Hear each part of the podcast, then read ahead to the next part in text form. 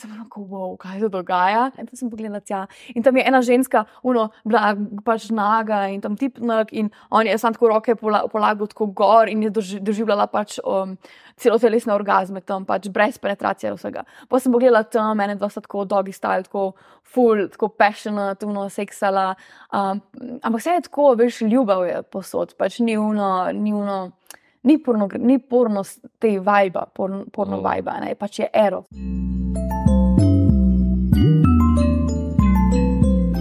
Jaz sem šel bolj čistko, da imam dober izgovor za se pogovarjati z zanimivimi ljudmi, Aha, ok. pa da se spoznavaš. Pa ena, pač, kaj se je meni zgodilo, je, da sem bil osebni trener, Mhm. potem sem šel v pitch booty Mhm. in vse je okoli trenerstva. ne. Mhm. In pol se mi je ta identity, da sem jaz osebni trener, se mi je full ugraviral noter Ja, v ja. podzavest. Ja.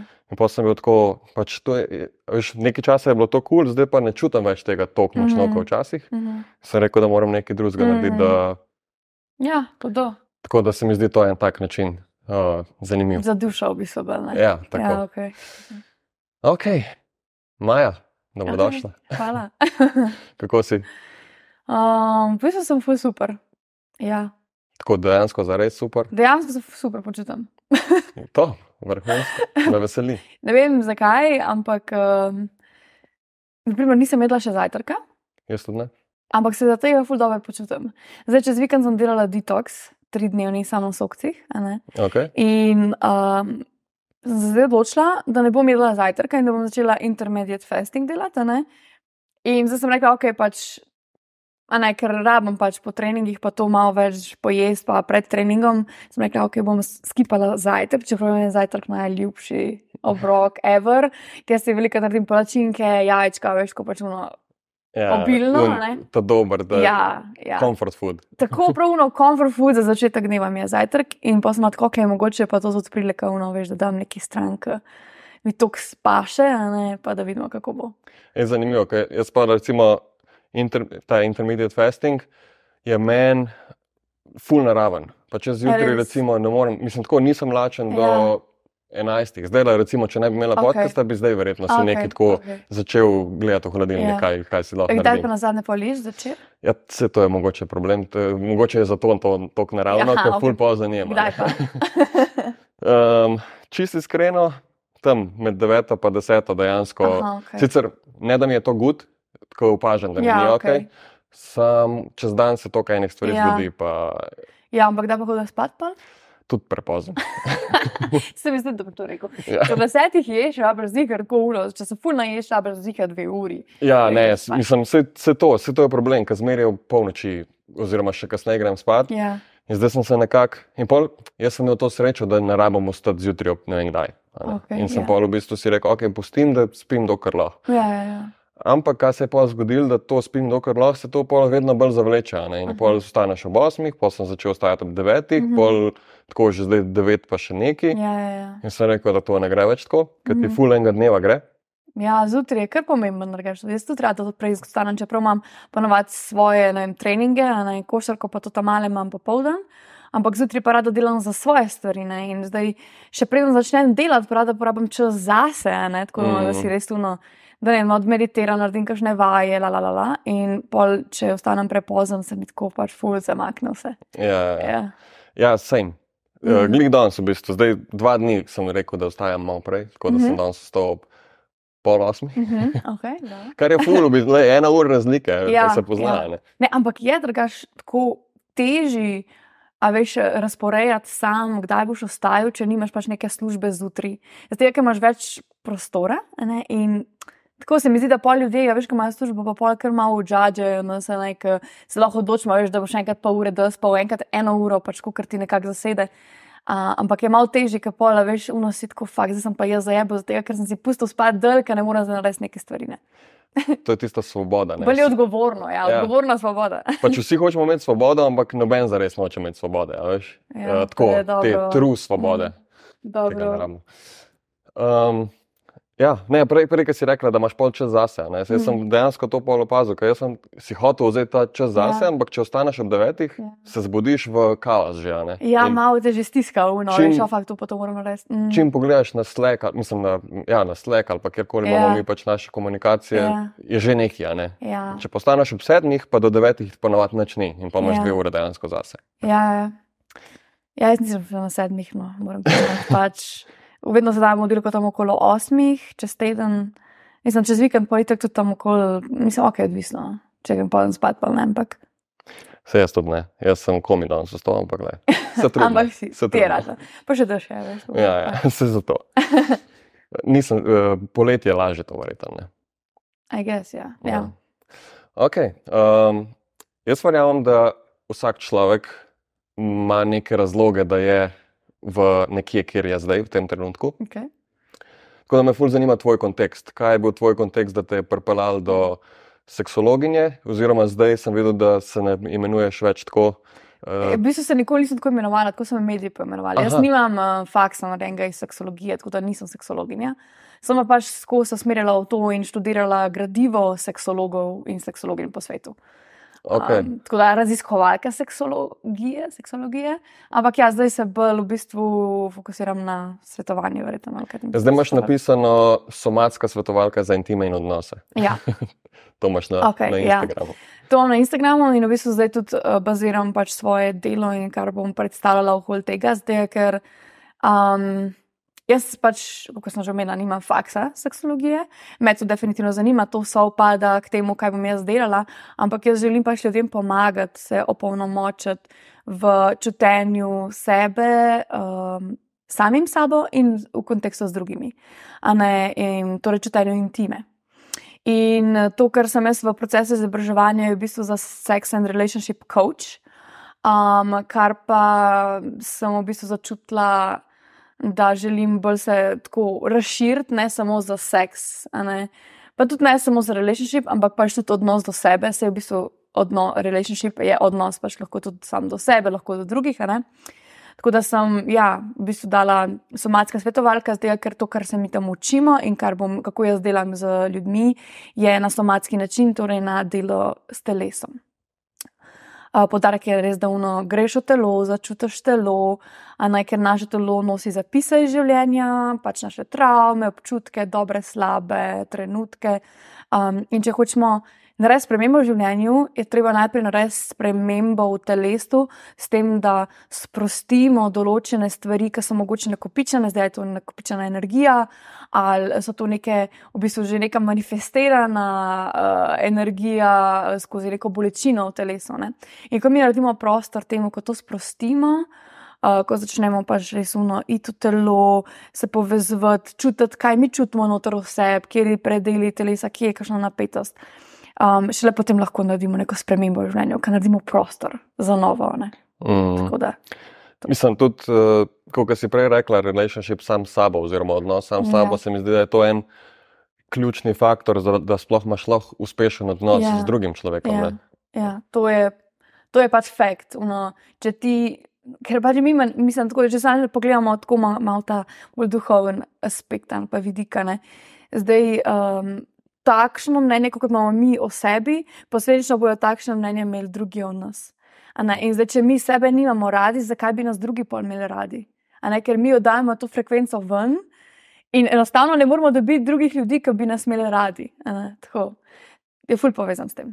Ja, um, še kako, jaz sem enkrat prebral nekaj točno na to temo. Ja, In sicer je bilo ne, ne samo to, da te drugi ne morejo imeti radi, ampak ti jim ne pustiš, Mhm, da te mhm. imajo to radi, zato ker ti si tako, ok, jaz, ne vem, primer, jaz imam sebe rad ja, 50 od 100. ja.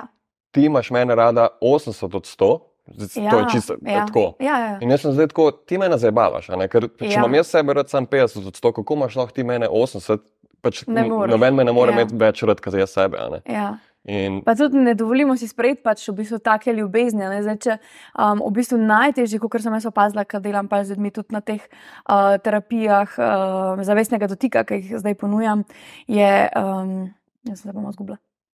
Uh, ja, torej. Vem, dotik? izgubila sem se. Ja, še predtem. aha, ok. Dobro. No, ker govorim, se bom spomnila, se sem spomnila. Ja, ja, ne, ni panike. Um, ja, v glavnem, no, prvo je seveda to, da imaš vse Mhm. vred, pa, pa, pa, pa naprej. Ne. Ja, ja. Tak. Okay. Ej, Se zgodi, kdaj se mi to zgodi, da možgani moji tako kar je ja, tako ja. prazno, veš. Ima tako, ok, le, zdaj sem se sprijaznila, že prazno je in gremo naprej, in če sem spomnila, da bom.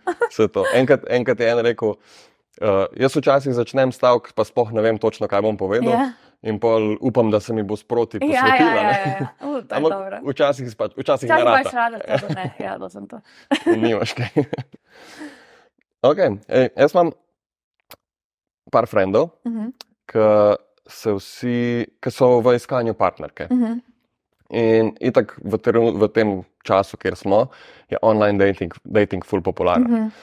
In jaz sem najdel eno zanimivo statistiko, da recimo od leta 95 pa do leta 2017, pazi, Okej. to je pred korono, Okay. se je, so se pari, eh, kako so se pari najdel, na, na Ja. način, na kako so se pari najdel, je bilo iz 2% online Okay. na 39. Wow. Zdaj si predstavljam po koroni, oziroma med Ja, korono, je to še toliko Ja. več. Recimo, mi dva z Niko smo se tudi našla prek Tinderja. V bistvu. Ja. Uh, ampak imamo tle en, en, en proble, eno problematiko. Ne? Mhm. Ne vem, če si že slišala tiste statistike, da v bistvu 5% moških, oziroma 90% žensk se bori za 5% moških, in pač to se pravi obratno. ne. To se pravi 95% žensk se, se bori za. Mhm. Mislim, 95% moških se bori za 5% žensk. Mhm.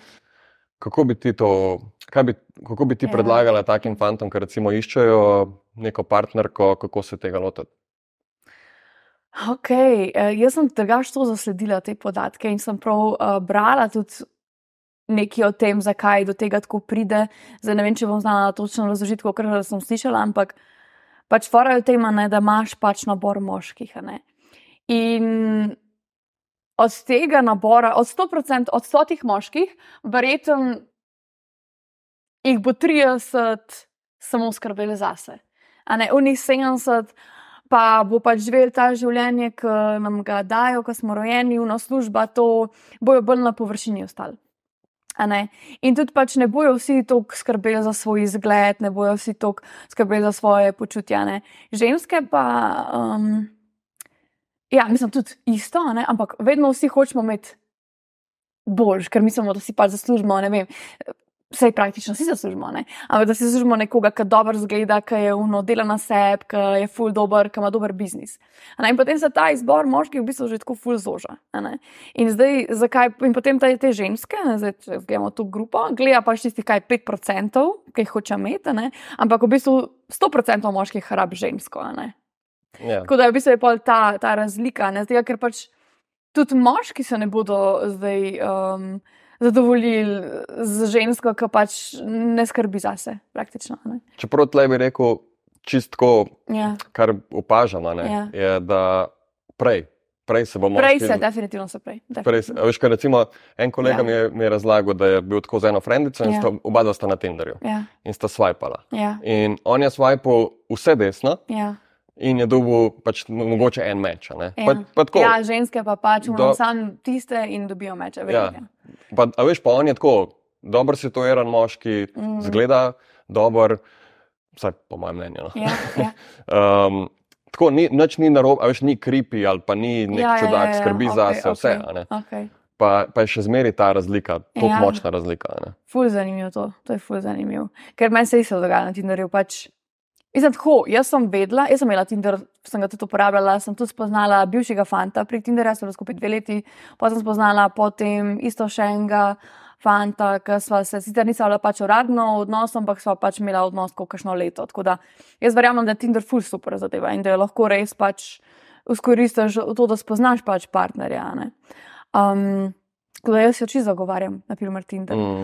uh, pa kjerkoli druga pač omrežja. Je pa tudi lažje. Naprimer, jaz še sami iz svojega vidika sem gledala, okay, kako naj jaz zdaj spoznam nekega moškega, če pač niti ne hodim v okolje, kjer bi lahko zdaj spoznavala.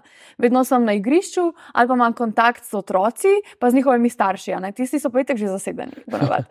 Načeloma. pa tudi tako, pač ponovadi je tako neka razlika, ne, tako da ni bil to okolje, kjer bi jaz iskala za svojega podožga partnerja. Um, Tako da, ja, v bistvu, se, če hočeš najti partnerja, se moraš dajati v okolje. Ne moraš se pač, moraš iti ven, moraš uh, iti v neke, zdaj, ok, če hočeš dobiti nek fling, pa iti pač žurat. Pa pač tam ne boš dobil ponovadi resne partnerke, partnerja, čeprav se da eni tudi dobijo tam. Um, ampak pa je tako, nekakšno taka družanja, ker mogoče nisi pod vplivom alkohola, ne vem. Zdaj se mi zdi, da se v Ljubljani ful dogaja teh stvari, ne vem, tam je ena, ki je spremljala na Instagramu, kam imaš tako uh, neke dogodke, risanje z vinom. Veš, pač to spoznaš take zanimive ženske, verjetno. Pač ko malo bolj umetnice, malo bolj uno, ki skrbijo, mislim, tako, ki delajo na tej um, osebni rasti. Naprimer, tako moraš dajati v to okolje, da lahko dobiš, da pač poiščeš sploh. Mm. Ja, mi, kandidate. Uh, mi, s punco, smo šla drugačna salsa tečaj. Mm -hmm. In to Hudo. se mi zdi fulano. Ja, uh, in dejansko tam, na tem, pač v tej salsa šoli, Kubana mm -hmm. Ljubljana, smo mm -hmm. sami hodili je ful parov, ki se je spoznali in ima zdaj otroke prek te šole. Ja, ful nice. Veš, to je ful dober. Sam ful moški, ki se z njimi pogovarjam, je tako, ja, sem to ni za me. Tako da jaz mislim, da moraš iti malo ta out of comfort zone. Moraš definitivno iti out of comfort zone. Je pa tudi res, kakšno pa žensko ti hočeš imeti, ne zdaj le. Um, Ne vem, se mi zdi ženske, ka, ali pa tudi, pa tudi moške, ki hodijo na te stvari, so bolj odprti, ja, veš, so bolj tudi, um, razgledani na nek način, ne, vsaj v določenih pač področjih. Mm. Ne, zdaj, ja, tako okolje, ki se boš dal tam, ko boš iskal tako partner, ko boš tudi dubu, seveda boš dubu pač tako, kot sam si. Tako da, ja, verjamem, da tisti, ki ga ni glih za salso, pač ne iščejo neke energije. Ne. Uh, Sam pa moram reči, da mogoče pa ni toliko opcij spet. Ne. Za, za nekoga, ki kaj zdaj. Fajn bi bilo, da bi bilo neke take dating. Ne? Mislim, da sem šel drugače enkrat na eno delavnico. Uh, dating, speed dating, ampak v tantra smislu, ne, da ni pač imamo speed dating, čeprav bi šla tudi na speed dating. To mi je zelo zanimivo. zanimivo ja. Ja, pa mislim, da so jih tudi to delali v Ljubljani, uh, eni fanti so jih izvajali, uh, sem zdaj ne vem, ali je še to aktualno. Uh, in je lahko zelo zanimiv. Uh, pa tudi, ko so imeli nek, uh, neko sceno, ki se je nekdo prijavil na Instagramu, da pač išče partnerje, in pa so se v bistvu drugi so to videli, objavili in se, se lahko prijavljali. In pa če je bil meč, veš, so jih pač pokonektali. Tako je zanimiv. Je to bilo lahko uh, reignitalo? Oziroma, ja, ne vem, kaj se s tem dogaja zdaj. No, ja. da, če bojo slučajno slišali, je interes, vidno. Ja. Um, ampak ja. Jaz, jaz verjamem v to, da se da partnerja pač najti. Je pa res tudi, ali si ti pripravljen na partnerja. Mm. Ali si pripravljen, da ga sploh vidiš. Pa narediš ta korak. Ja. Ena statistika je tudi zelo zanimiva. Nek, zdaj ne vem točne številke, ampak nekih okay. 50 ali 80 posto, ja. to imamo v glavi zdaj. Okay. Moških ja. ne upa pristopiti do ženske, ja. zaradi tega, ker se bojijo, da bo izpadli kripi. Okay. In jaz imam občutek, da to mogoče zaradi, zaradi te trenutne malo mal mogoče zaradi tega feminizma, mal, mm -hmm. pa, pa ne mislim to na tako fulno slabo način. Ampak, ja, pač ta toksičen feminizem, ki je zdaj to. To, okay. Točno to. Ja. In to, da je v bistvu, veš, malo tako, okay, kaj lahko, pa kaj ne, da ne boš izpadel čudena. Ja. In tako dejansko 50 ali 80 odstotkov moških se ne upa pristopiti do ženske. Mm. Tako da kako bi kako to politi?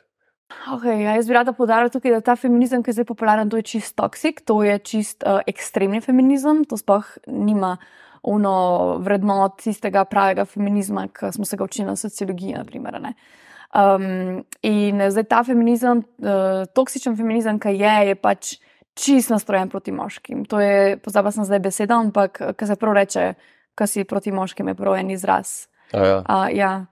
um, in jaz mislim, da moškim ni lahko pač v tem trenutnem svetu. Se mi zdi, da imajo ful pritiska, mislim, da se tudi ženske imajo, ampak sploh v tem smislu partnerstva in pristopov do žensk in gejma je ful pritiska na njih. Zato, ker, ker ženske pričakujemo, da bojo znali, ampak od kje ne znajo? Iz pornografije? Verjetno ne. ne? Pač tukaj je ful velika luknja, manjka pač tega znanja, um, da bi si moški sploh gradil samozavest, da lahko stop do ženske. Tudi zaradi tega, ker je, če, če je tako je poluno, oh moj bog, ker si ti kripa, ne, je lahko tako je full negativ. Mislim, se ne da to ja. ženske delajo. Okay. Ampak tako, mogoče je narativ tak v medijih in tako naprej, ne, lahko ja. potencialno. In lahko se pol zgodi, da izgubijo voljo, še preden začnejo. Ne. Ja, zdaj je ne. Um... Ja, zdaj jaz tudi mislim, da je tukaj tudi problem v ženskah. ne. Zdaj, če ti vsakega tipa, pa tudi če pač tako nešto naredi na robe, dojem, dojameš kot kripe, pa da to pomeni, da pač imaš ti nerazrešene stvari, verjetno s svojim očetom, posledično pa z moškimi. Verjetno.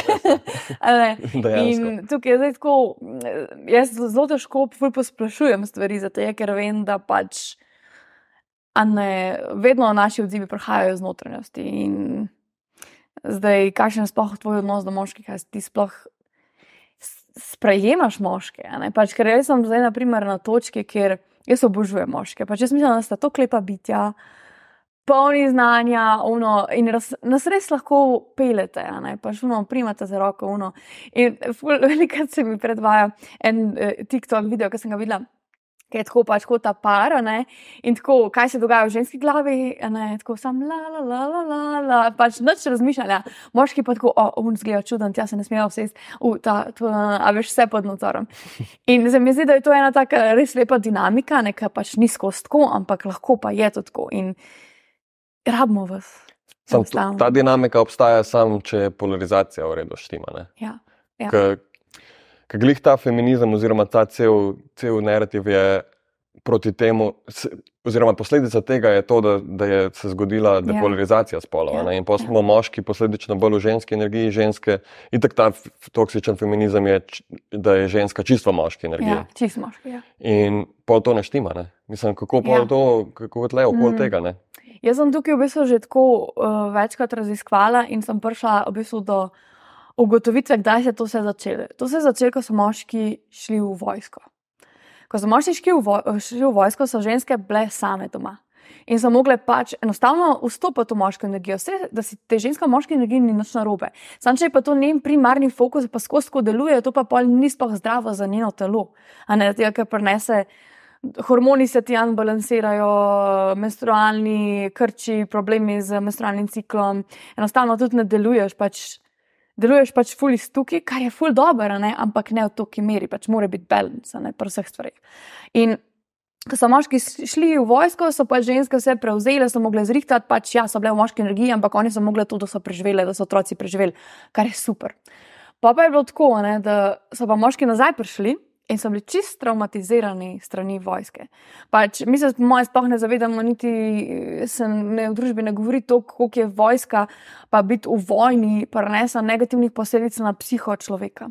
A Ne, pač moški so bili uničeni. Pa to Njihov- večgeneracijsko. ne. Ja, njihova moška energija pač je bila stalno uničena, ker če ti moraš tam pač delati neka dejanja, ki so proti tvojim moralnim načelom, verjetno ne boš pač zdrav v glavi, niti v čustvih. Pa tudi vojska, mislim, vojska kot taka, ne, Ja. kako je naštimana, ti moraš točno delati, kar ti un reče. Ja, ne. ja. In boh ne da biti. Svojo glavo razmišljati. ja, Ja. To sem to, zato je pač to itak posebna tema, se mi zdi, da je ful usmerjanje a ne, v tem, da se sti- sledimo sistemu. Mm. Um, ampak potem, ja, ko so moški se vrnili nazaj, pač traumatizirani, enostavno ni prišlo več do balansa, ne, ker oni so bili pol tej ženski energiji, ampak ne ženski, uni, um, distorted, kako se mu reče po slovensko. Kaj pa sem? Uh, torej, To- nepravilno usmerjeni Ja. ženski ja. energiji, pač bili so bo, bogi, bili so žrtve. Ja. In ženske so pa pol bile primorane, v bistvu, namesto da bi dobile moški nazaj, so dobile še enega otroka nazaj. In pa se mi zdi, da se je to pelal čez generacije, in zdaj v bistvu je v tem, da ja, ok, sej. Mi, ženske, pre, pač dolgo časa nazaj smo bile v bistvu eh, čisto odvisne od moških, finančno. Mm. In, in smo v bistvu to svobodo življenja, ful s financami povezovali, ker je bila. Ne? Ampak pa smo dobili pač volilno pravico, pa smo dobili, v bistvu, da lahko same služimo stvari. Ampak smo še spet v drugo smer, tega, ker je še vedno ostalo nebalansirano. Ne, zdaj hočemo imeti vse. Hočemo, ne, vse, vse, vse, mi smo sami, mi lahko brez moških, ampak to ni zdravo. Se to sem, to sem, ker, ker recimo to, kar si ti povedala, Ja. se mi zdi, ja, se strinjam, Mhm. ampak se mi zdi, da to bolj pripelje v to, v to dinamiko mama-sina. ne. Ja, to se tudi. pravi, moški postane sin, Ja. namesto da bi bil on glava družine. Recimo. Ja. Ampak ta modern, toksičen feminizem se mi pa zdi bolj kot nek, vsaj jaz imam tako občutek, Mhm, no, da, okej. da je bolj kot nek revenge. Tok časa ste nam vzemali pravice do tega, Ja, smo bile manj ja, vredne, ja. smo bile ne vem kaj. Tako da zdaj hočemo pa, veš, zdaj ste pa, I don't need no man, pa Ja, te scene. Ne? Ampak, naprimer, če pogledaš zdaj samo dinamiko, ki je ženska, rečemo, da je uh, s to mentaliteto, pač hoče si sama boss, girl, ampak ne v dobrem smislu, pač v negativnem smislu. Kakšnega partnera bo lahko imela, če je ona pač to, kaj je v maskulin, ja, ona bo dobila pač v feminin in to bo pač tisto, kar ne bo pristopil do nje. A ne, a štekaš. In, in to je v bistvu se mi zdi, spet on je pač bogi, ona je pa pač voz zvezo. In začaran krok v bistvu. Ne? Ja. In polje ona, ja, moški so itak pusi, Ja, pa to so gor, to. dol, a ne. Ženske, mislim, moški se pa pač ženske sploh ne znajo biti ženstvene, la, la, la, in je pač, pač točno to, s čimer se zdaj srečujemo, pač ta problem. Začaran krok v bistvu. Noro. Ja. Ampak me, jaz moram bi dodala tukaj, no, da se fulj popravljajo stvari. Vsaj v vodah, ker sem jaz videla, da pač ženske stopajo bolj, no, tudi svoj gar zdavna. Se ni problem v tem, sam, da ti pač no, greš za tem materializmom, pa da um, skrbiš sama za sebe, da ne rabiš moškega, ampak da se ti odločiš, da boš odprla svoje srce, da boš ranljiva. Ne? Da boš dovolila moškemu, da vstopi v tvoje življenje, v tvoje srce, da um, sprejmeš njegovo ljubezen, da mu daš, ne, da mu daš ljubezen. ne. Ampak to prinese pa tisto, kar um, se pa vsi bojimo, to prinese intimo in to prinese, in v intimi smo vedno lahko prizadeti. In tudi za moškega je pač v bistvu zelo podobno, ker jaz mislim, da moški, ki um, niso opolnomočeni v svoji moški energiji, še vse niso zares intimni, ne dovolijo si biti ranljivi. Oni so mogoče v vlogi nekih žrtev, ampak niso pa zares odprti in pokažejo svoje srce ženski. Mm. In tukaj je tudi ta kleš, ki pač ne pride. Še zmeraj imaš ščit gor. Ne? Ja, Ker ščit. Če imaš ščit, tudi, mislim, mogoče, kaj jaz tako predstavljam, če se jaz ne odprem čist, ok, vse mogoče lahko si malo bolj bogi, pa gor dol, mm Mhm. -hmm. pa se delaš za žrtev, pa vse paše to kdaj, veš, paše, da ti nekdo, uh, ja, kako si upam, da si, veš, tako malo Ja, ta. ja, ja, itak. Sej pač vse to, kar mi dva govoriva zdaj, a ne, disclaimer, pač govoriva o res nekih um, teh Hudih primerih. hudih primerih. Ja, Ja. ja. Pač, eh, ne govoriva zdaj, naprimer, biti žrtev, oziroma pač biti v tej vlogi, če si pač ti vsak ima to vnoter vse. Pa ne, pa zdaj mi govorimo res uno v ekstremnih primerih. Mm. Mm, Ja. ja, ja, itak. Ja. Jaz bi pa še tukaj bi dodala drugače to, a ne. zdaj um, se mi zdi, sploh kaj je ta Tate prišel na sceno, ne, Mhm. se mi zdi, da pa je dal poudarek še v ta drug aspekt, ker se pač moški, se mi zdi, se delijo trenutno v tri grupe. Eni so pač v tej um, pre, preveč feminin. Eni so pač, ok, unika so, rečemo, da balanced, a ne tisti moški, ki- katere želimo imeti. a ne. Tistih pet posta. Okay. I guess, čeprav, ja, ja, ja. dobro, je, rečemo, da je več. Lej, malo smo kruti, ampak. ja, pa je pa še ena grupa, ki je pa pač v toxic maskulin. Mm, A ne, kaj greš pa uno sam materializem, zaprt srce, čim več žensk, uno čim več, več, več grabaš po pač, uh, temu uspehu na vseh področjih in nisi povezan s svojim srcem. Samo meni se zdi, da obe dve te skrajne variante sta, sta iz neke, izhajata iz neke pomankanja samo Ja. podobe, samozavesti. in Ja, naprej. Ali pa iz, neke, iz nekega insecurityja iz Ja, preteklosti, travme. definitivno. Sej tudi pri ženskah, da ne bomo samo moške skozi kurca. ne. Ja, Um, tudi ženske, ne? ženske pač so zdaj v tej uh, maskulinu, no, ne, masculine energy, omaš pa umne, ki so pa čisto v drugi smeri, ki so pa čisto feminin, pa so tudi boge. Zdaj, v bistvu na, na obeh polih je isto, a ne samo pač drugače zgleda. Um, ker so pa isto tudi boge, pa zdaj rabijo moškega, ne, da jih bo pač vodu. In ponovadi te, ki so boge, boge, dobijo te, ki so maskulin, ki jih lahko pač um, pre, uno, preveč, ki nimajo srca odprte in ki so pač sam vodijo jih. Ne, in oni, oni pač rabijo ne- eno ko žensko zraven, da pač dobro zgleda, ne, in pač te, te une boge, boge pač so, ne, ker so full feminine, so full ženstvene in nimajo svojega glasu. Mm, ne, Prvni zmer je pa glih obratno, tako da v bistvu so pač sam polarities. ja, ja, zmeraj Ja, je polarity, ja. ker drugače ne, drugač ne, ne delajo re- odnos prav. Ne? Ne, pač ne more funkcionirati odnos. Mm. Sej, tudi, naprimer, zdaj, če pač povem, a ne, tudi mi, mi da zdaj govoriva pro moški, ženska, pro spolih, ampak tudi, naprimer, v, v odnosih, kjer so geji, ne, imaš pač te polarities. Ja, to je tisto, kar rečemo, kdo je. Čeprav, Mask ne- fem, ja, ja, ja, ja. čeprav to po mojem ni, mislim, kot sem jaz poznal, uh, veliko frendov uh, so, so rekli, da se tudi malo menjava to, ne? da Sej, ni vedno isto. Ja, itak, ne. Mislim, tako, jaz poznam veliko ljudi, ki so bazirani v vem, moški energiji, da govorijo tudi, če govorijo vem, za ženske v moški, v ženski, ne, in pa pač tako se lahko tudi menja. Mhm. Pač je odvisno spet od tega, koliko imaš ti stvari ozaveščene, pa tudi kaj je tisti tvoj pravi um, obraz na nek način. Ne? Kje si, kje si doma? Ja, kje si doma? Ja, ja, ja. Ja. Zanimivo. Nice guys, Mhm. to sem jaz bil. Okay. Se, verjetno sem še zmeri, Okay. pač m- mogoče malo manj, ampak nice guys ne v smislu, ok, on je prijazen, ne, Ja. ampak uno, people pleaser Okay. scena. Ne. Okay. Skje to izhaja? Okay. A to hoče zdaj, zdaj tebe zinaliziram? Lahko tudi, če mi ne, če mislim, torej, to da jaz se tega zavedam zdaj, a ne, in tako malo, ma, mislim, itak, to je bilo bolj, Ja. recimo, ko sem bil otrok, pa ja. moj primer je bil tak. Jaz sem bil itak v osnovni šoli, ko si, a ne, ponavadi se vsi fantje v družbi zaljubijo, zaljubijo v isto punco. Mhm. In je, moj pristop je bil Ja. vedno tak prijazen, veš, rad sem ugodil zadeve, uh, tako, bil sem, kaj sem, bear. ja. Okay. Uh, ampak Ja. pa je en kolega, ne, uh Mhm. -huh. moj prijatelj, ne vem, jo je pa zabaval, pa je metal kocke, pa ne vem, veš nekaj tako čist. In pol je ona šla raj k njemu. a ne. Jaz sem Mhm. bil tako, what the fuck, veš, kako je, mislim, kje mi ni bilo jasno, ne. zdaj pač Ja. malo, ma- malo mi je jasno zaradi psihologije, ampak uh Mhm. -huh. takrat jaz tega nisem štekal. a ne. Mm. Ja, malo je tudi tukaj, ne zdaj, um, tudi zdaj, če pogledamo to, pač ta igra a ne, privlačnosti. Um, nam bo, če nimamo razrešenih stvari, nam bo vedno bolj privlačno tisto, kar nam je bolj nedostopno. Ne? Uh -huh. Torej, zdaj, zakaj je ona pač šla tja? Zato, ker pač on jo je zabaval, on jo je kao odvračal ne? in pač očitno je bil to nek vzorc, ki ga je mogoče je poznan in zato je šla tja. Ne? Push pull malo. Push-pull, ja, tudi. Um, itak zbiramo partnere tudi na podlagi pač naših nepredelanih vzorcev. Mm. Tako da to. Zdaj, nice guys je pa. Ja, itak vse izhaja iz družine.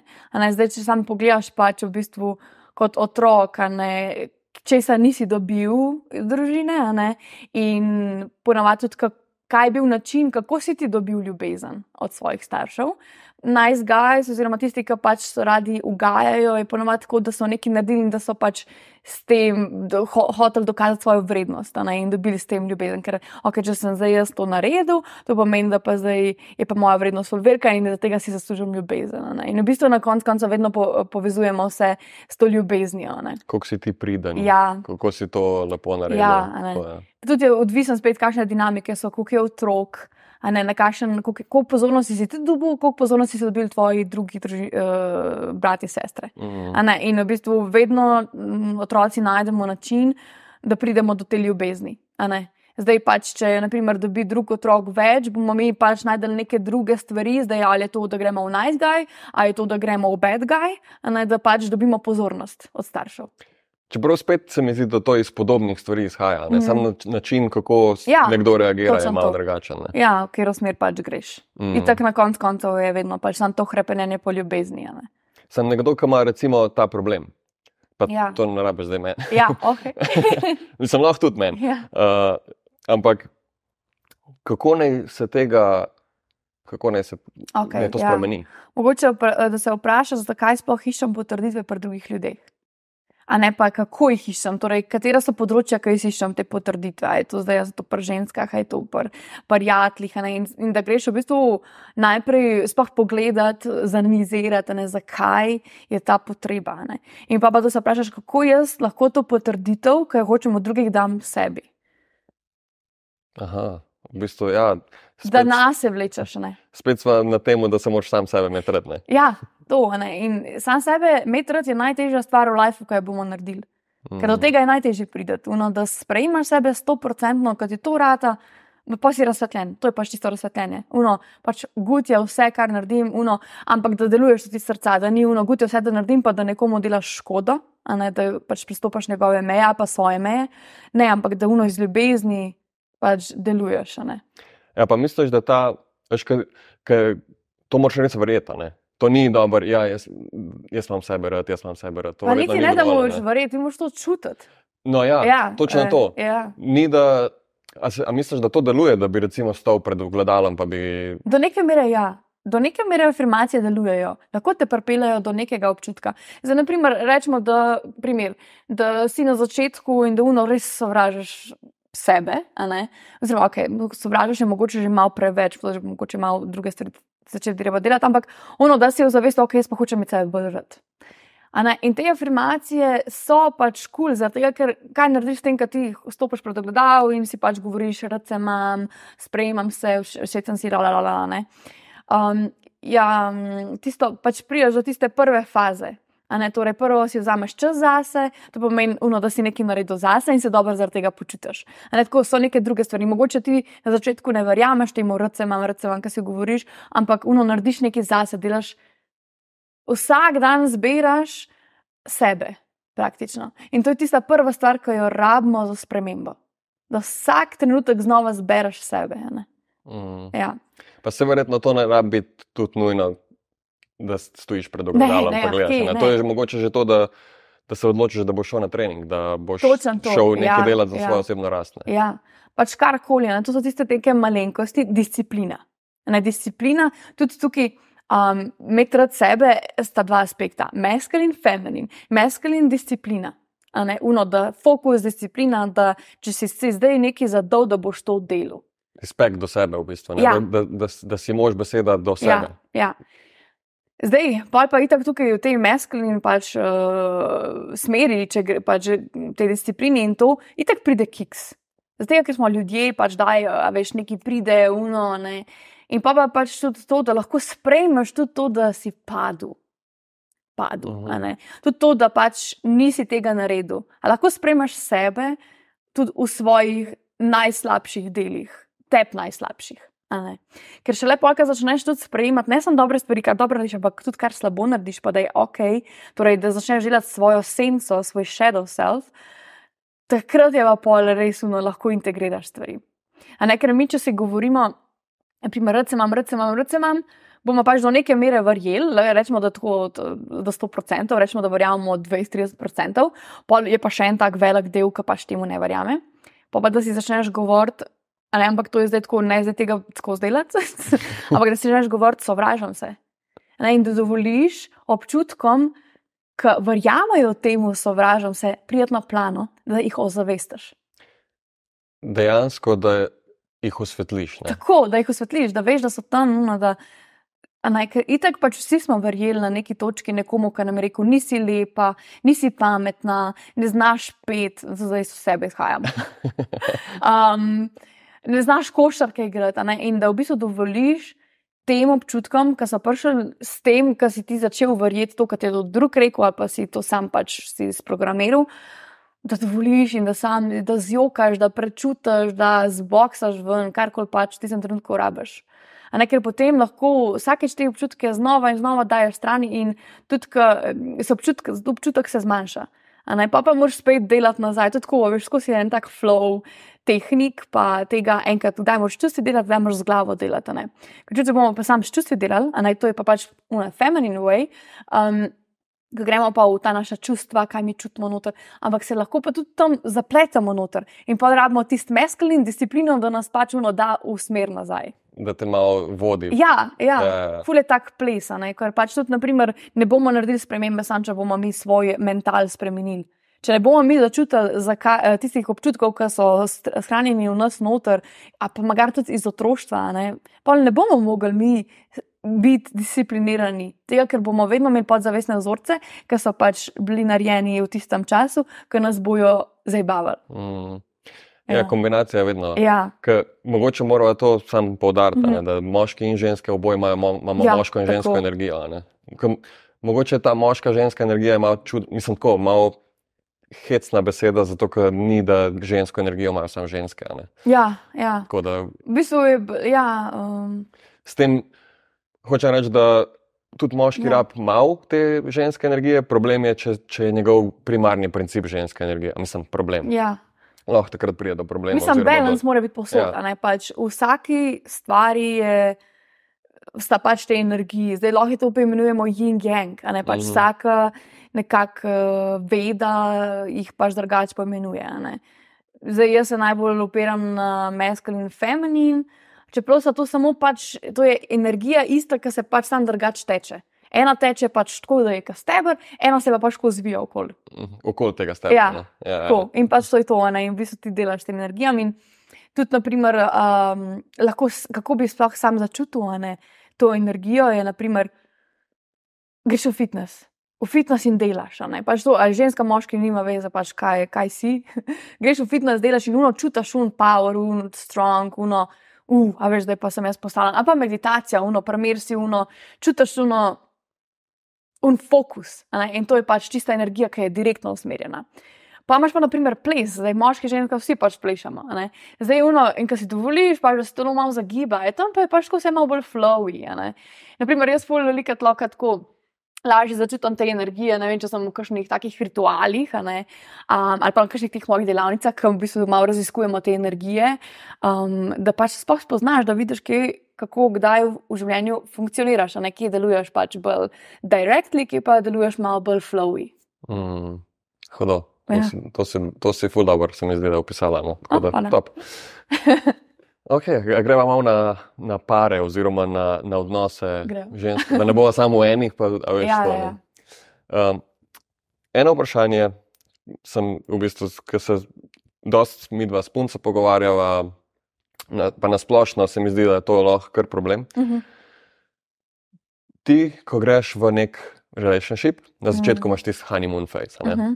Takrat Mhm. itak je, feelingi so posod, Ja, excitement ja. je, uh, seksaš, oziroma Mhm. ljubiš se Mhm. uh, skozi, ne, Mhm. lahko trikrat na dan, če Mhm. treba. Mhm. Pol pa po enih šestih mesecih, recimo, Mhm. začne to upadati. ne. Ja. Takrat še, še gre, ampak tako ne vem, se mi zdi, po enem, dveh letih, treh letih Mhm. je pa uno, ki to ljubljenje oziroma seks postane nek čor lahko. Rutinsko. kao. Ja, Mhm. rutinsko pa postane kar nekaj, okay, malo mal tudi pritiska, ker si tako, okay, dva tedna uh, nisi bil intimen Aha, zdaj pa kao moraš. in zdaj imaš tako, fakt, zdaj pa že dva tedna ne, Ja, zdaj pa ja, moram, ja, in ja. poje tam še slabše. Ne? Ja. In kako recimo ohranjati ta, pa ne honeymoon phase, ker to verjetno je unsustainable, ampak kako ohranjati to redno intimo v, v odnosu. Ja.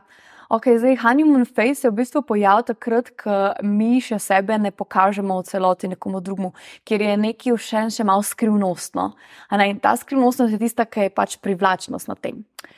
In ja, definitivno intima, ne, intima je, da se pokažeš drugemu v celoti.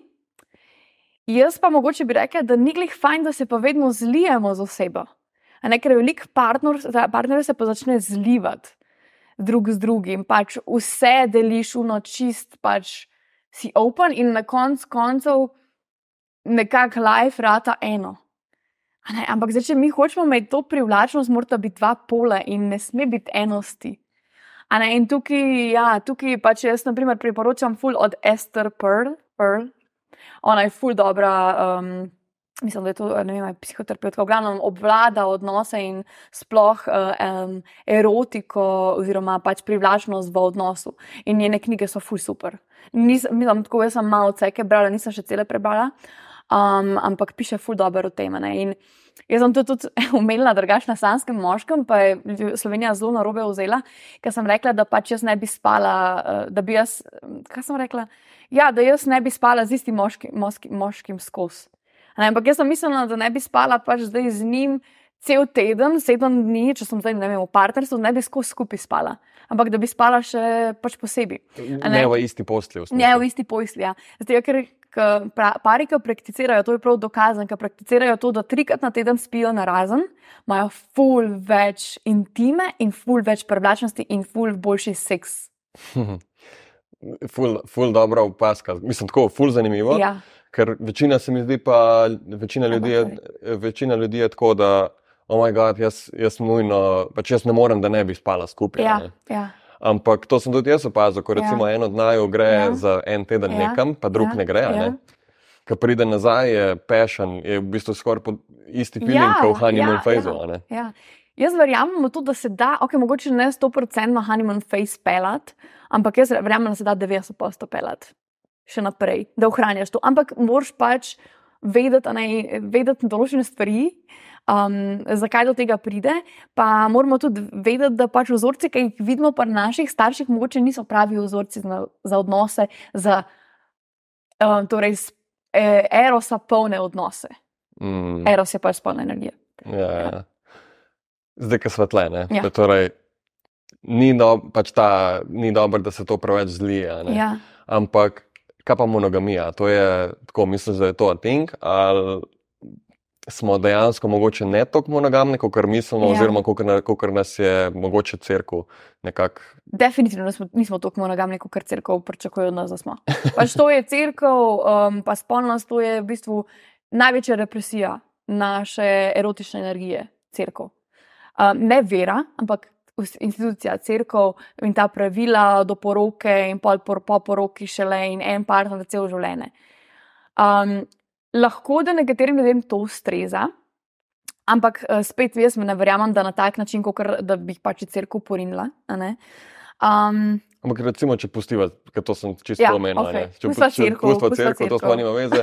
Recimo tudi kultura zdaj je taka, ja. da načeloma, pa itak, zdaj tako, monogamija bi to bila to, da ta prvi partner, ki ga imaš, je forever tvoj. ne. Ja. Ker mi smo pa v bistvu v zaporedni monogamiji, načeloma v, Ja, v ja, naši kulturi. ja, To se ja. pravi, ti si monogamen, dokler si s človekom, pol nisi Mhm. in pogreš na naslednjega in si spet monogamen v tistem obdobju. Ja. ne. Jaz verjamem v to, da če sta dva človeka zavestna, pa da sta na istem levelu, pa da je isto pripravljena rast, da lahko pač sta monogamna celo življenje in sta pač v isti zvezi. Da ima to zadostuje, zdaj, ker mi se skozi spreminjamo. Če se naš partner z nami ne spremenja, potem bomo, če bomo monogamni cel life, bomo nesrečni v tem odnosu. Ne? Če pa se oba spremenjata, pa je to v bistvu sploh monogamija, če nisi praktično isti človek, kot na začetku. A veš, to je zdaj spet drugo vprašanje. Ne? To je bolj one. filozofsko. bolj filozofsko. Ampak hočem reči, da ja, definitivno se da. Ampak je treba delati. Pač mi se ne zavedamo, koliko je treba delati na odnosu, da rata. Mm. Pač to je tako hard work, to je največji work, ki ga boš imel. Če bi bili za to plačani, bi vsi milijonari, po moje. Ja, dejan, mislim, dejansko, ne, sploh, sploh po tem, kar sva govorila po teh dveh letih, takrat Ja. se začne hard ja, work. ne. takrat. V bistvu je tako en let, pa pol do dve leti je tista prelomnica. Aha, Tam je neka prelomnica, pač pol leta je prelomnica, pa pol en let, pa pol do dve leti je prelomnica. Uh, pa pol sedem let, ni neki sedem let taka. Ja, pol. pol tudi ne. Ja, ker v bistvu pač pa pol leta je uno, ok, a sem, pač takrat se glizko, takrat se glizko zaljubiš, no, imaš človeka rad. In pa se moraš odločiti, da boš zdaj ti pač, a, a, a si lahko, a si pripravljen s tem človekom graditi. a ne?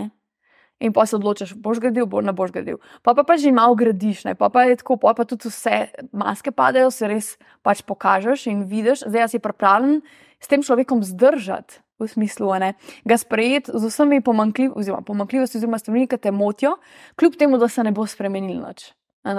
Vedno v odnosih moramo tako pomisliti, ker vsi smo tako ful optimistični, pa upamo.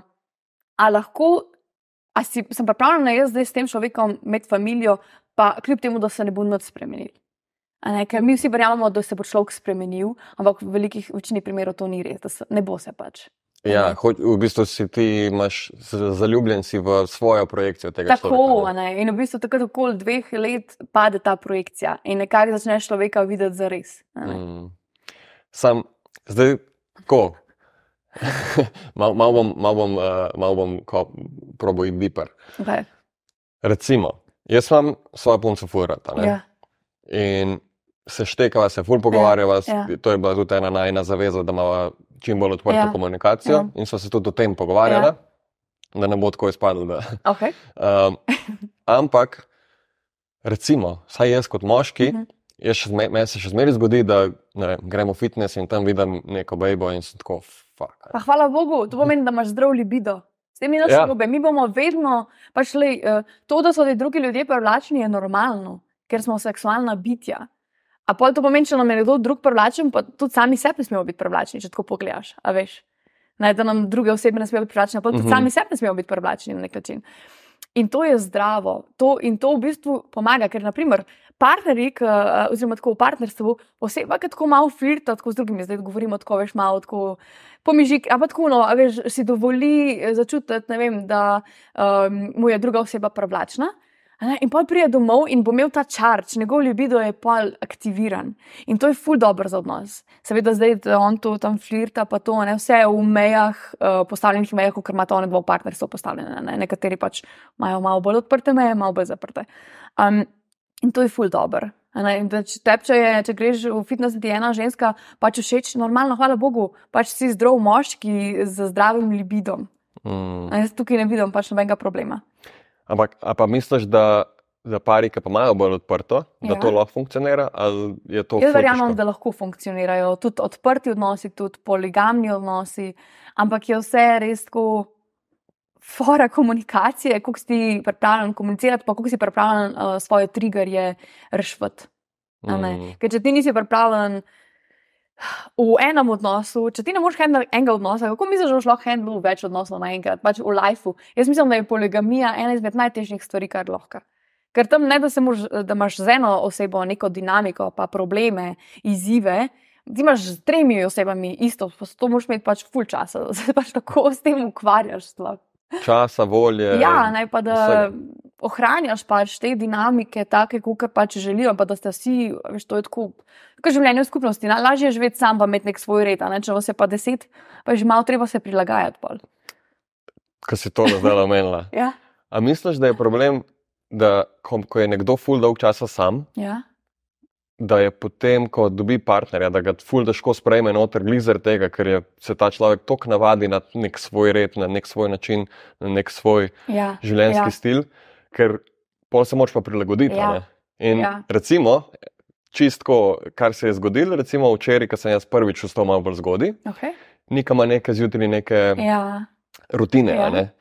In njo je to ful zmotil, da sem jaz bil zdaj buden. Veš, ona je bila navajena, da jaz sem tam, spim, Ja, ja, ja, ona ima ja. tle svoj mir. In sem mogla pa v bistvu včeraj, pa danes bo verjetno še malo, se Ja. pogovarjala o tem, kako rešiti to Ja. dinamiko. Ja, ne. ja, ja. In nekdo, ki je pa recimo deset let sam, ima pa verjetno to pol še toliko še toliko težje se prilagodi, pa sprejme Ja. nekoga. Ne. Mislim, zdaj, če tako pogledaš, že samo to, da si deset let sam, pomeni, da neki je, pa če se trudiš dobiti nekoga, da neki pač te je problem, verjetno v tebi, da si pač sam, realno. Ne. Zdaj, na primer, jaz sem bila tudi štiri leta samska, oziroma nisem bila v resni zvezi, sem imela pač neke druge odnose, ampak jaz sem bila z zavedanjem, ker sem pač delala na sebi.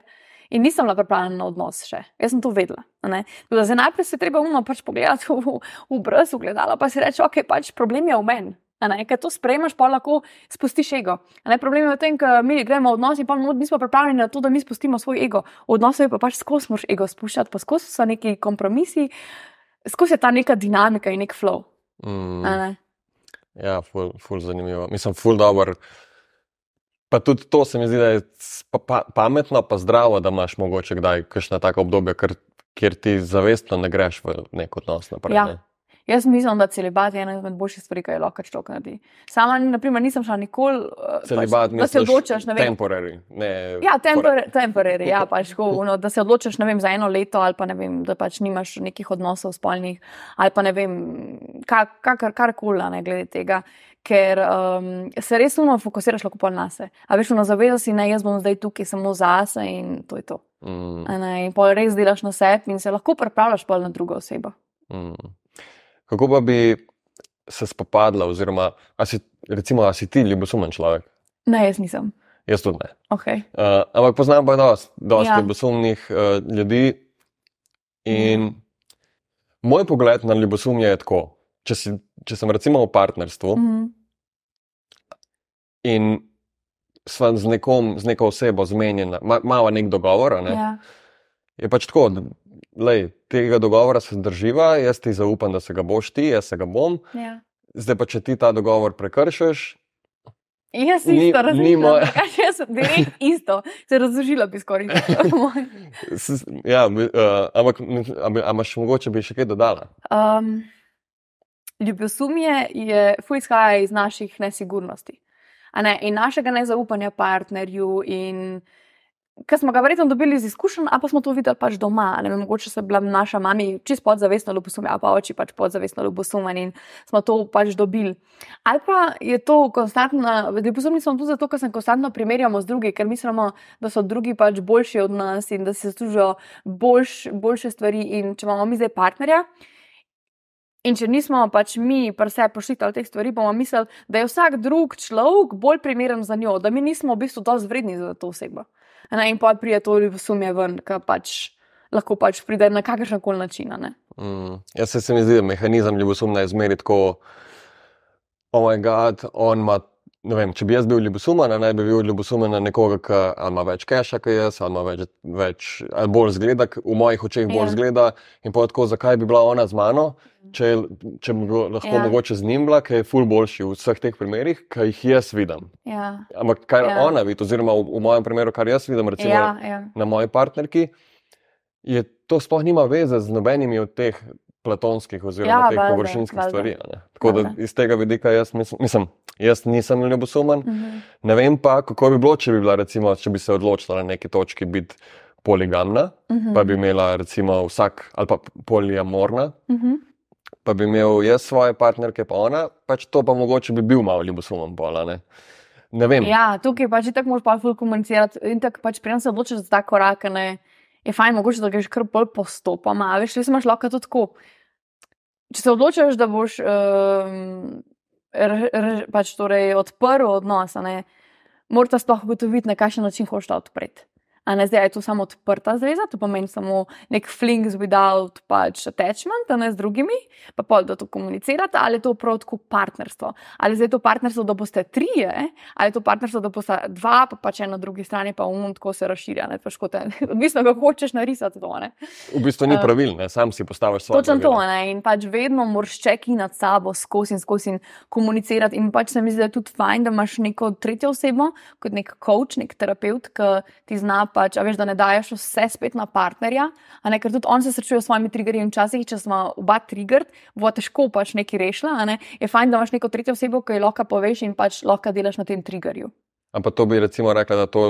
To bi lahko ti bila ta oseba, oziroma imaš ti te kompetence? Ja, jaz se, psiho... se izobražujem v tej smeri, tako da počasi bom začela tudi to ponujati. No. Mm, hudo, ja. full dobro, full zanimivo. Ja. Sicer ne bom se zdaj glih eh, specializirala za to, da podpiram, ko bo se odpirala zveze, ampak za nasplošno intimo in pač zakaj te neke stvari motijo in ne kaj je tisto v tebi. Pač nasplošno ta, mogoče ne couples terapija, ampak bolj.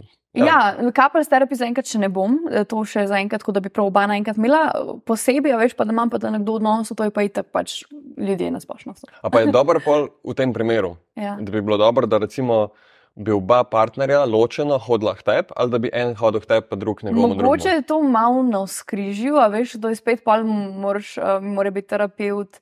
Zelo pripravljen na te situacije, ne, da slučajno veš, ne, ne gre v osebno zgodbo. Oziroma, veš, da, je, da, da mogoče ni njih ja. fajn, da na oba hodita k istemu. Zato, ker mislim, tako, jaz bom rekla, jaz pač nimam toliko izkušenj, če tukaj, ampak vem, da veliko terapeutov um, se malo pol umeša noter.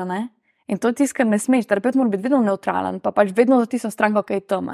In to je pa tudi spet nek um, izziv terapeuta. Sam itak je terapeut človek. Ja, se to. Fulizi, da tekaš ja, side ja, od nekoga, ja, ne, ja, ki ti je ja. mogoče po, neki, po nekem biasu ja, malo bolj blizu. Ja. Pa tudi spet, kaj iščeš od terapeuta. No? Mm. Ampak jaz bi rada dodala, kaj glede ljubosumnosti, ker sem se spomnila, ne? da ima veliko žensk in tudi jaz sem ena izmed teh. Um, to ima to željo, da malo mal potipa, kako je partner, ki je ljubosumen. A veš pa tako, da ima malo še en izzivček, a veš, kaj mislim. Ja, ja, ja. Vem, zato ker sem bil večkrat žrtev tega. Aha, okay. In tako, ne vem, kam malo tako, uno, jaz sem bil tako čez čila, ne? ker pač mene tako re, ja, res ja. me ni zmotil. Ja. In tako, uno, zakaj nisi ljubosumen, ne? Ja.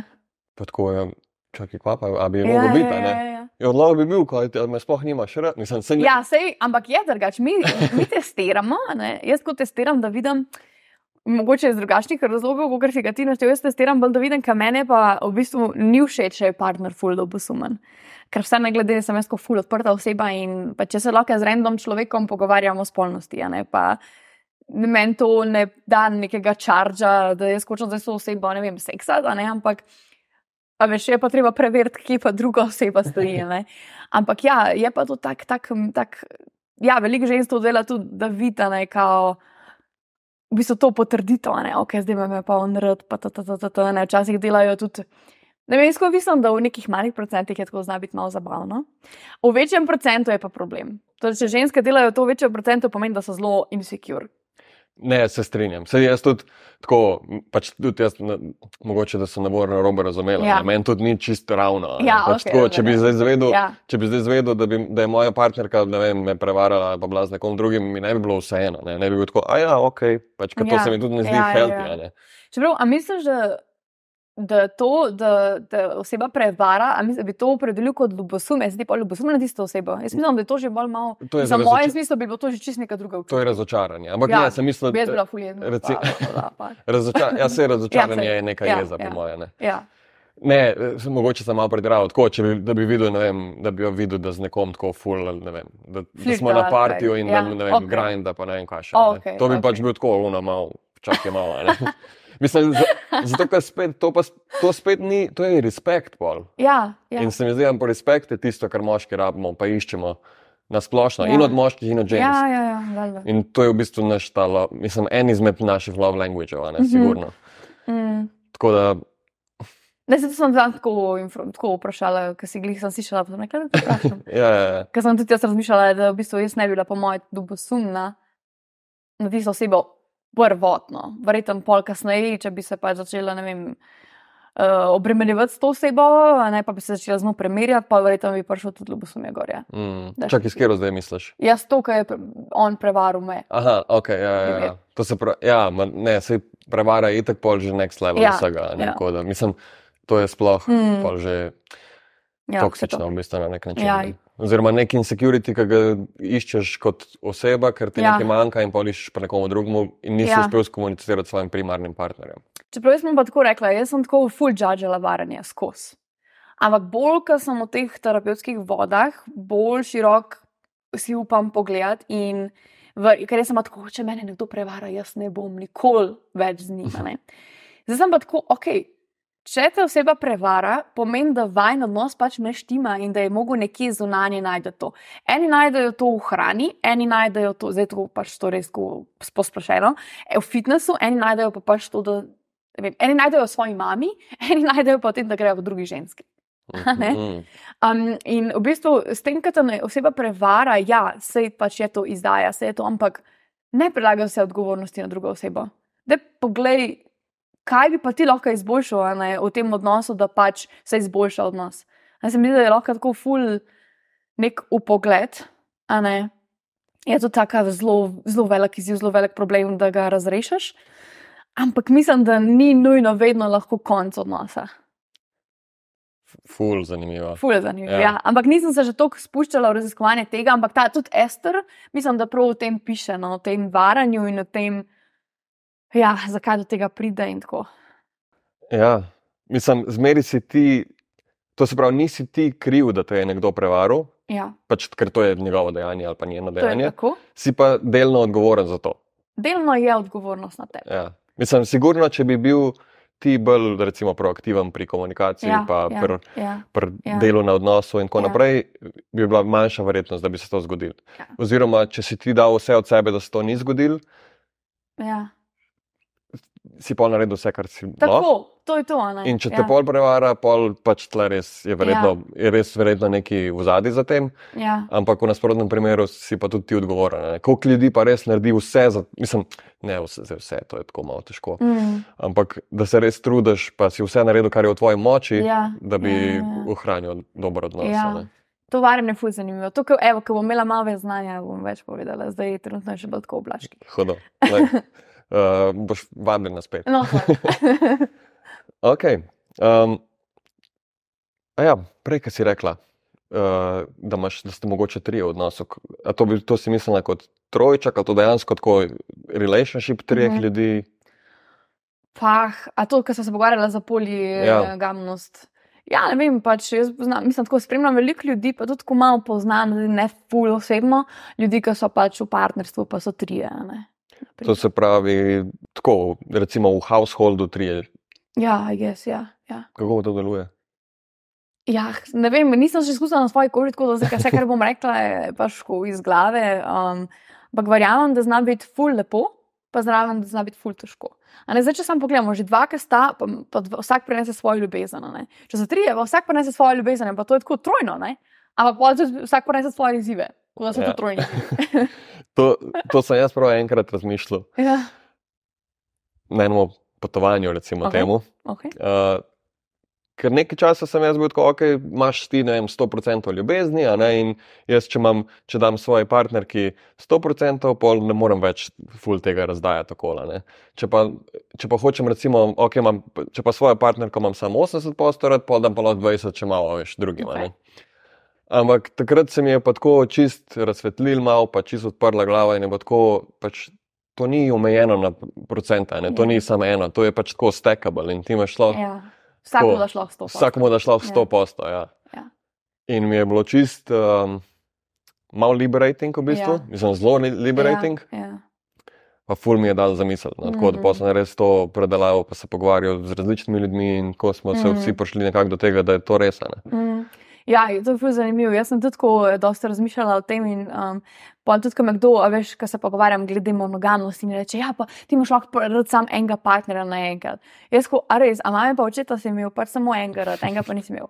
A veš, uno, pač naše, naše srce je capable, capable, da pač ljubi vse. In sebe, in druge, in pač da vsakmu sto posto. Neomejeno ljubezni. Ker pač taka na koncu bitja, mi smo, mi smo energijsko neomejena bitja. Ne? Ljubezen imamo ne, neomejeno, ker skozi teče čez nas. Mm.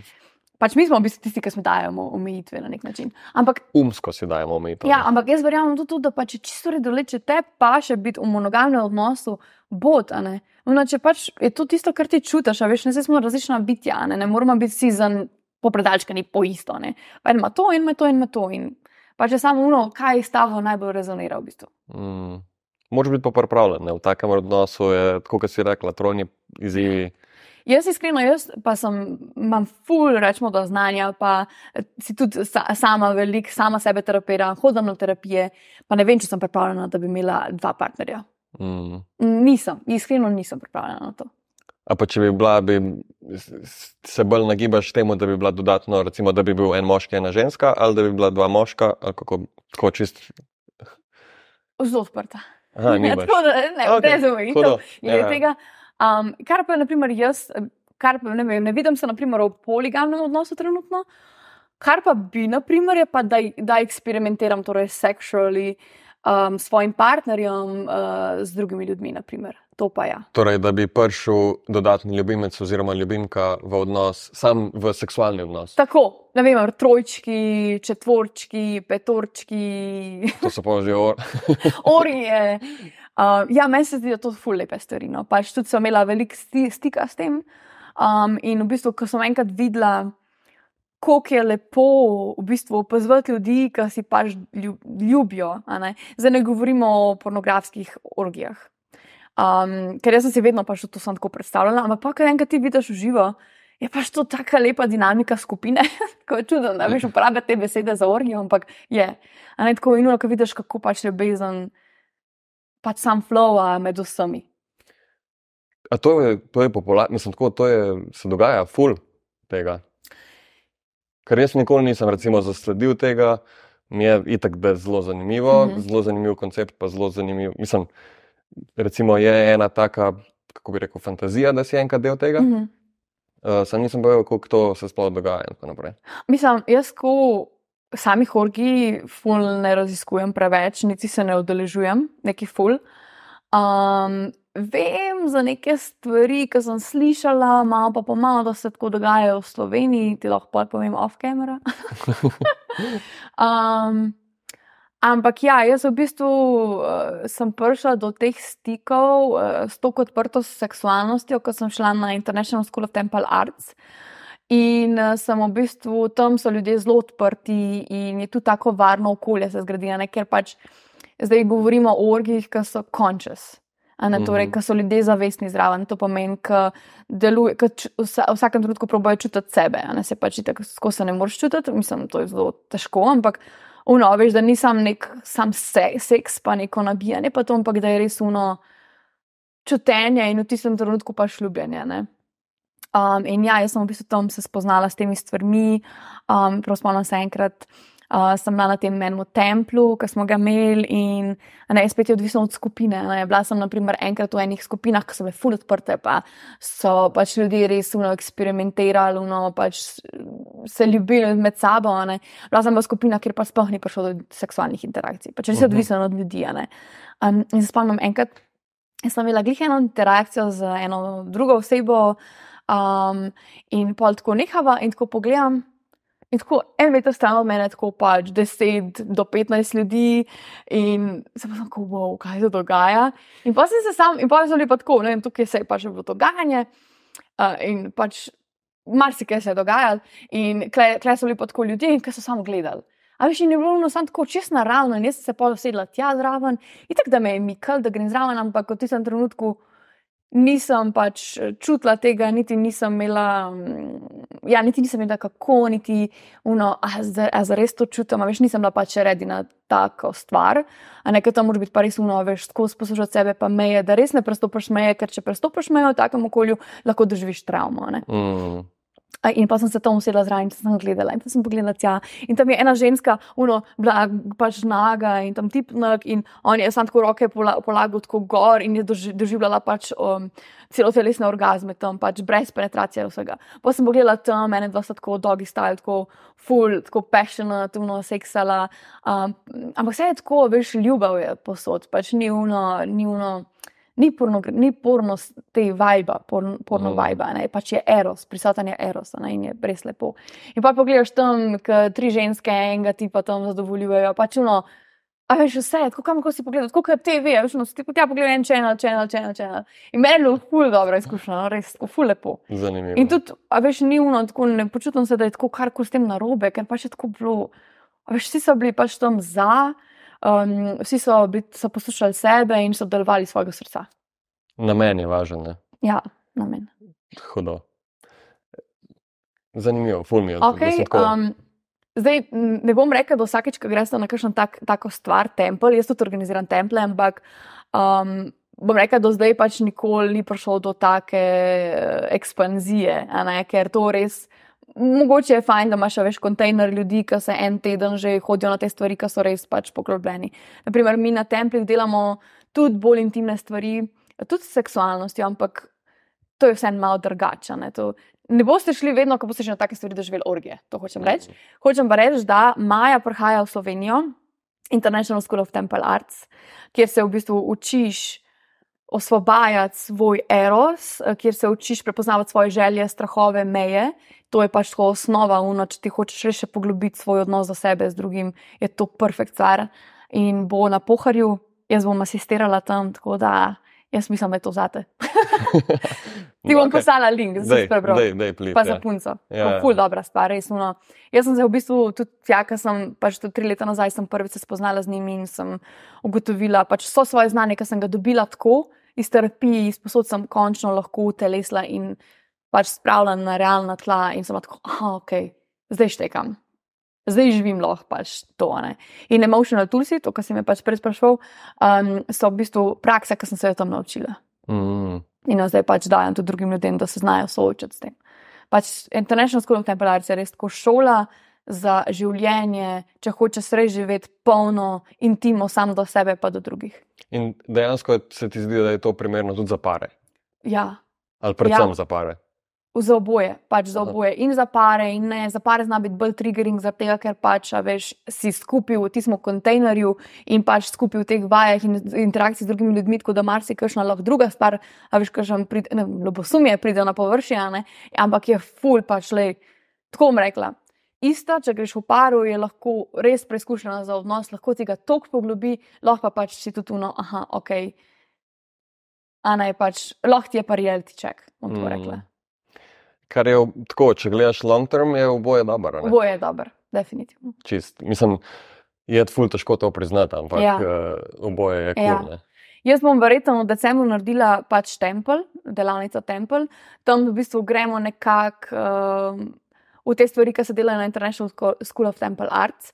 Um, ampak ne v taki intenziteti, kot se tam dela, tako da je mogoče to nek, neka poskušina, kako bi lahko, kaj bi se lahko tam pridobil, um, če priješ na, na to delavnico. To si rekla, da imaš decembra. Verjetno bom decembra naredila, ni še čist pač, v- nisem dala še ven, ampak decembra hočem speljati to, ker to je pa res eno tako, mene tempel tako okolje, v katerega prideš.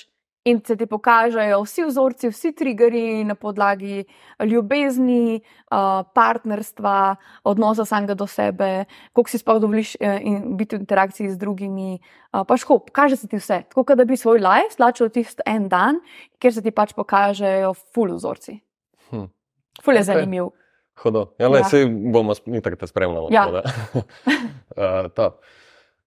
Ok. Ustajava na takih vročih tematikah, okay, pa, da, okej. pa mogoče takih malo ne, nekonvencionalnih. Okay. Moški orgazem brez izliva. Ja. To sem se jaz spoznal s tem konceptom, ko sva šla s punco na tantra masaže. Uh -huh. In prvo mi je, moj prvi odziv je bil tako, "A zdaj mi boste še ta del vzeli. Uh ne?" -huh. Ja, okay. Uh, itak to je, bilo, to je bil ča, či, ta čist instinktiven ja. Razumljivo. od- odziv. Mm. Ampak, ko smo šla malo pogledat več o tem, in ko, smo se pogovarjala z večino temi tantriki, in tako vsi trdijo, pol, da to je lahko nek način, kako lahko prideš ti do ful večjega užitka, Ja, yeah, ko, ja. kar sploh prej nisi Ja, yeah. mogla. ne. To se ja. yeah. pravi, moški multipli orgazmi, Ja. celotelesni orgazmi, Ja. yeah. da niso samo tako, Ja, ja, ki ja, te ja. zakrča, Ja. ja. zakrč. Mm. Priznam, nisem še čist to, mislim, sva probavala, nisem tega še mesteru niti mm Mhm, -hmm. podrazno, ampak mm mhm. -hmm. tako, a mi lahko malo več poveš o tem. Mm. Ja, okay. um, orgazem brez izliva v bistvu je tako. Izliv je samo posledica orgazma. Ja, sem prav povedala. Mhm. Ja. Torej, to pomeni, da je refleks. Izliv je refleks orgazma. In pač moški enostavno pač ne veš, da lahko je kakorkoli drugače, kot pač da doživiš izliv. ne. Ponavadi je tako med sanjam ali pa tako v pornografiji vidiš, a ne tako prvič, ko se soočaš s tem, je pač ti misliš, da je pač logično, da pač to pride eno z drugim. ne. Ampak to je samo refleks. In ti se lahko naučiš uh, z dihanjem, torej dihalnimi tehnikami, uh, z izvajanjem, uh, s krepitvijo vaj za PC mišico in sproščanje PC mišice, ter pač različnimi takimi tehnikami, kako zaustaviti torej, um, izliv. Zdaj, to je pač tako ful dolgotrajen proces ne, in tudi povezanje ful s svojo notranjostjo. Ker tukaj pač, ko začneš te stvari delati, začneš praktično delati na sebi. Ne, ne moreš pa se to naučiti, brez da mm, ne greš v poglobljeno stanje sebe, ne tantro praktično. Ne, to je pač tantra. No. Ja, ja, ja. Um, ja, no, ampak mene zanima, kako ti je, kaj prakticiraš to, kaj jaz si. ja uh, sem definitivno eh, probava to Ja, skozi. ja, In je tako, včasih, je, včasih se mi zdi, da mi malo bolj rata, mm. -hmm. včasih je tako sam. Ponovadi, takrat, ko sem malo bolj pod stresom, je to sam pač tumač ja, vsega. Ja, ja. In itak izliv je nek stres relief. ja ne. itak da je. In ja. je pač ti, ti sem pol v bistvu ne da se mi s tem, mislim, ne da se mi, Ja, da se mi s tem, ja, ampak ja. sam mi je tumač pol, da bi ja, se s tem ja, ukvarjal. Ja, Ne vem, mislim, glede na to, da ne vem, če mi je kdaj to res ratal, verjetno mi ni, okay. da bi, dobil, da bi imel ta celotelesni Ja, orgazem ja. in tako naprej. Sem imel kdaj kakšne situacije, ker sem bil sam tako, ker sem se tako cel začel, začel okay. malo tresti, ampak takrat sem zgubil to prisotnost in sem bil tako, ok, je to zdaj to? In pa sem zgubil to, ja. Tako se mi zdi, da je To to. je ful vaja, Ja. ful je vaja. Pa tudi ful moraš sam vaditi, pri masturbiranju že, ne. Pa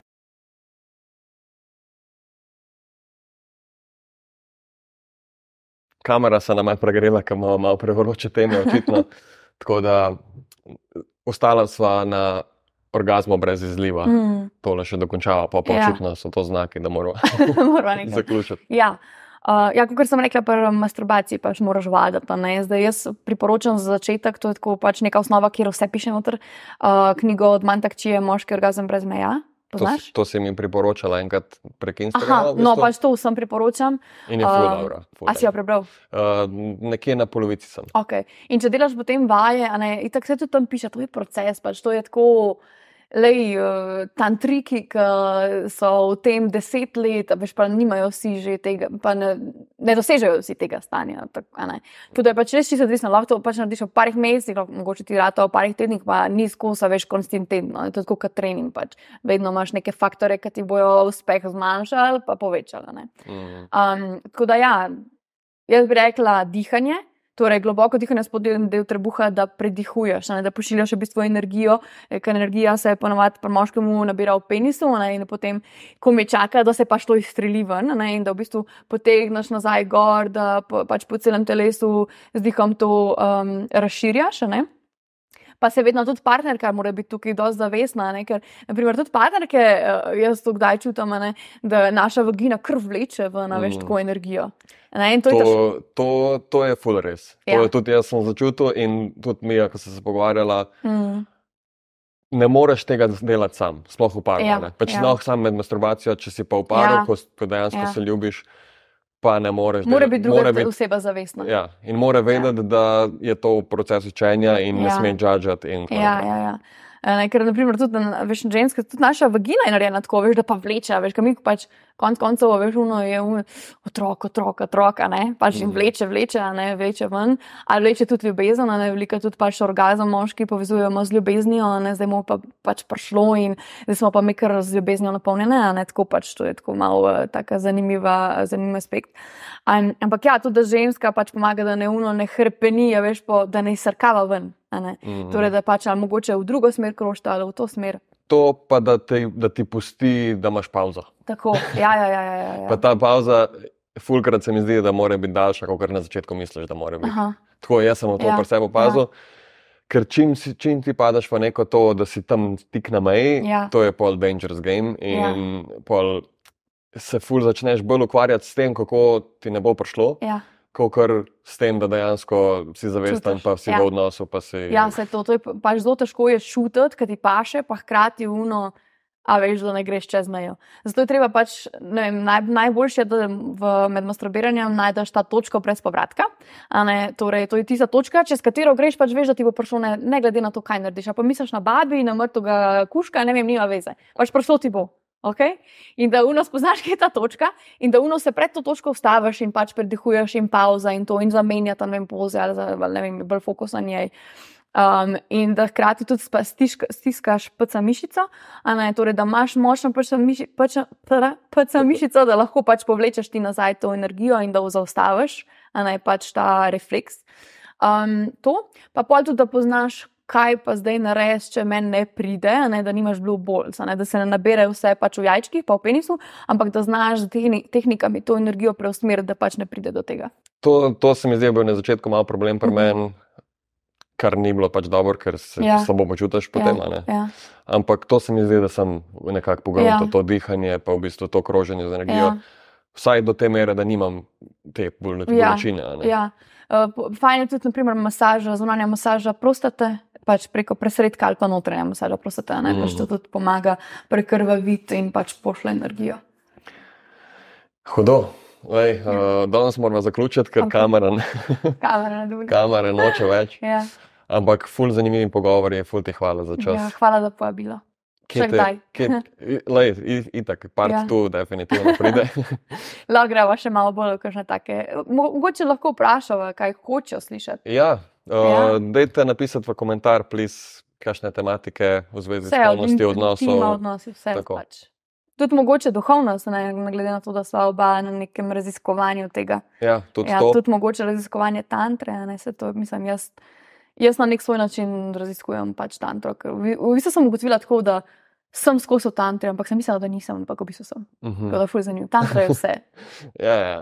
To, kaj enkrat padeš na ja, vse to. All is one. Mm. Razen partnerja, ne smete postati. ja, razen to, bravo. um, ja, neč, kje te ljudje najdejo? Social media, Pleasure Mermaid, um, tam sem najbolj aktivna na Instagram, TikTok, tudi na YouTube. Kaj več pa prihaja, ja, imam razne delavnice, zdaj bom bolj aktivna. Dobrodošli na delavnico Rode za žaljenje čustev. To je tako osnova, da se sploh naučiš, kako pač delati s triggerji, kako sploh id dva se noter. Potem pa delavnice, tempa delavnice, ki se naučiš postavljati meje, uh, uno, res življenjska izkušnja. No. Um, Zaenkrat to, coachingi in masaže zavestnega dotika. Hudo. Načeloma, če te followajo na Instagramu. Če me followajo, vse vidijo, tako da Vejo ja, to je to. Top. Okay. Ej, fute, hvala. Hvala tebi. Se vidimo. Se vidimo. Ta. Bravo. Bravo.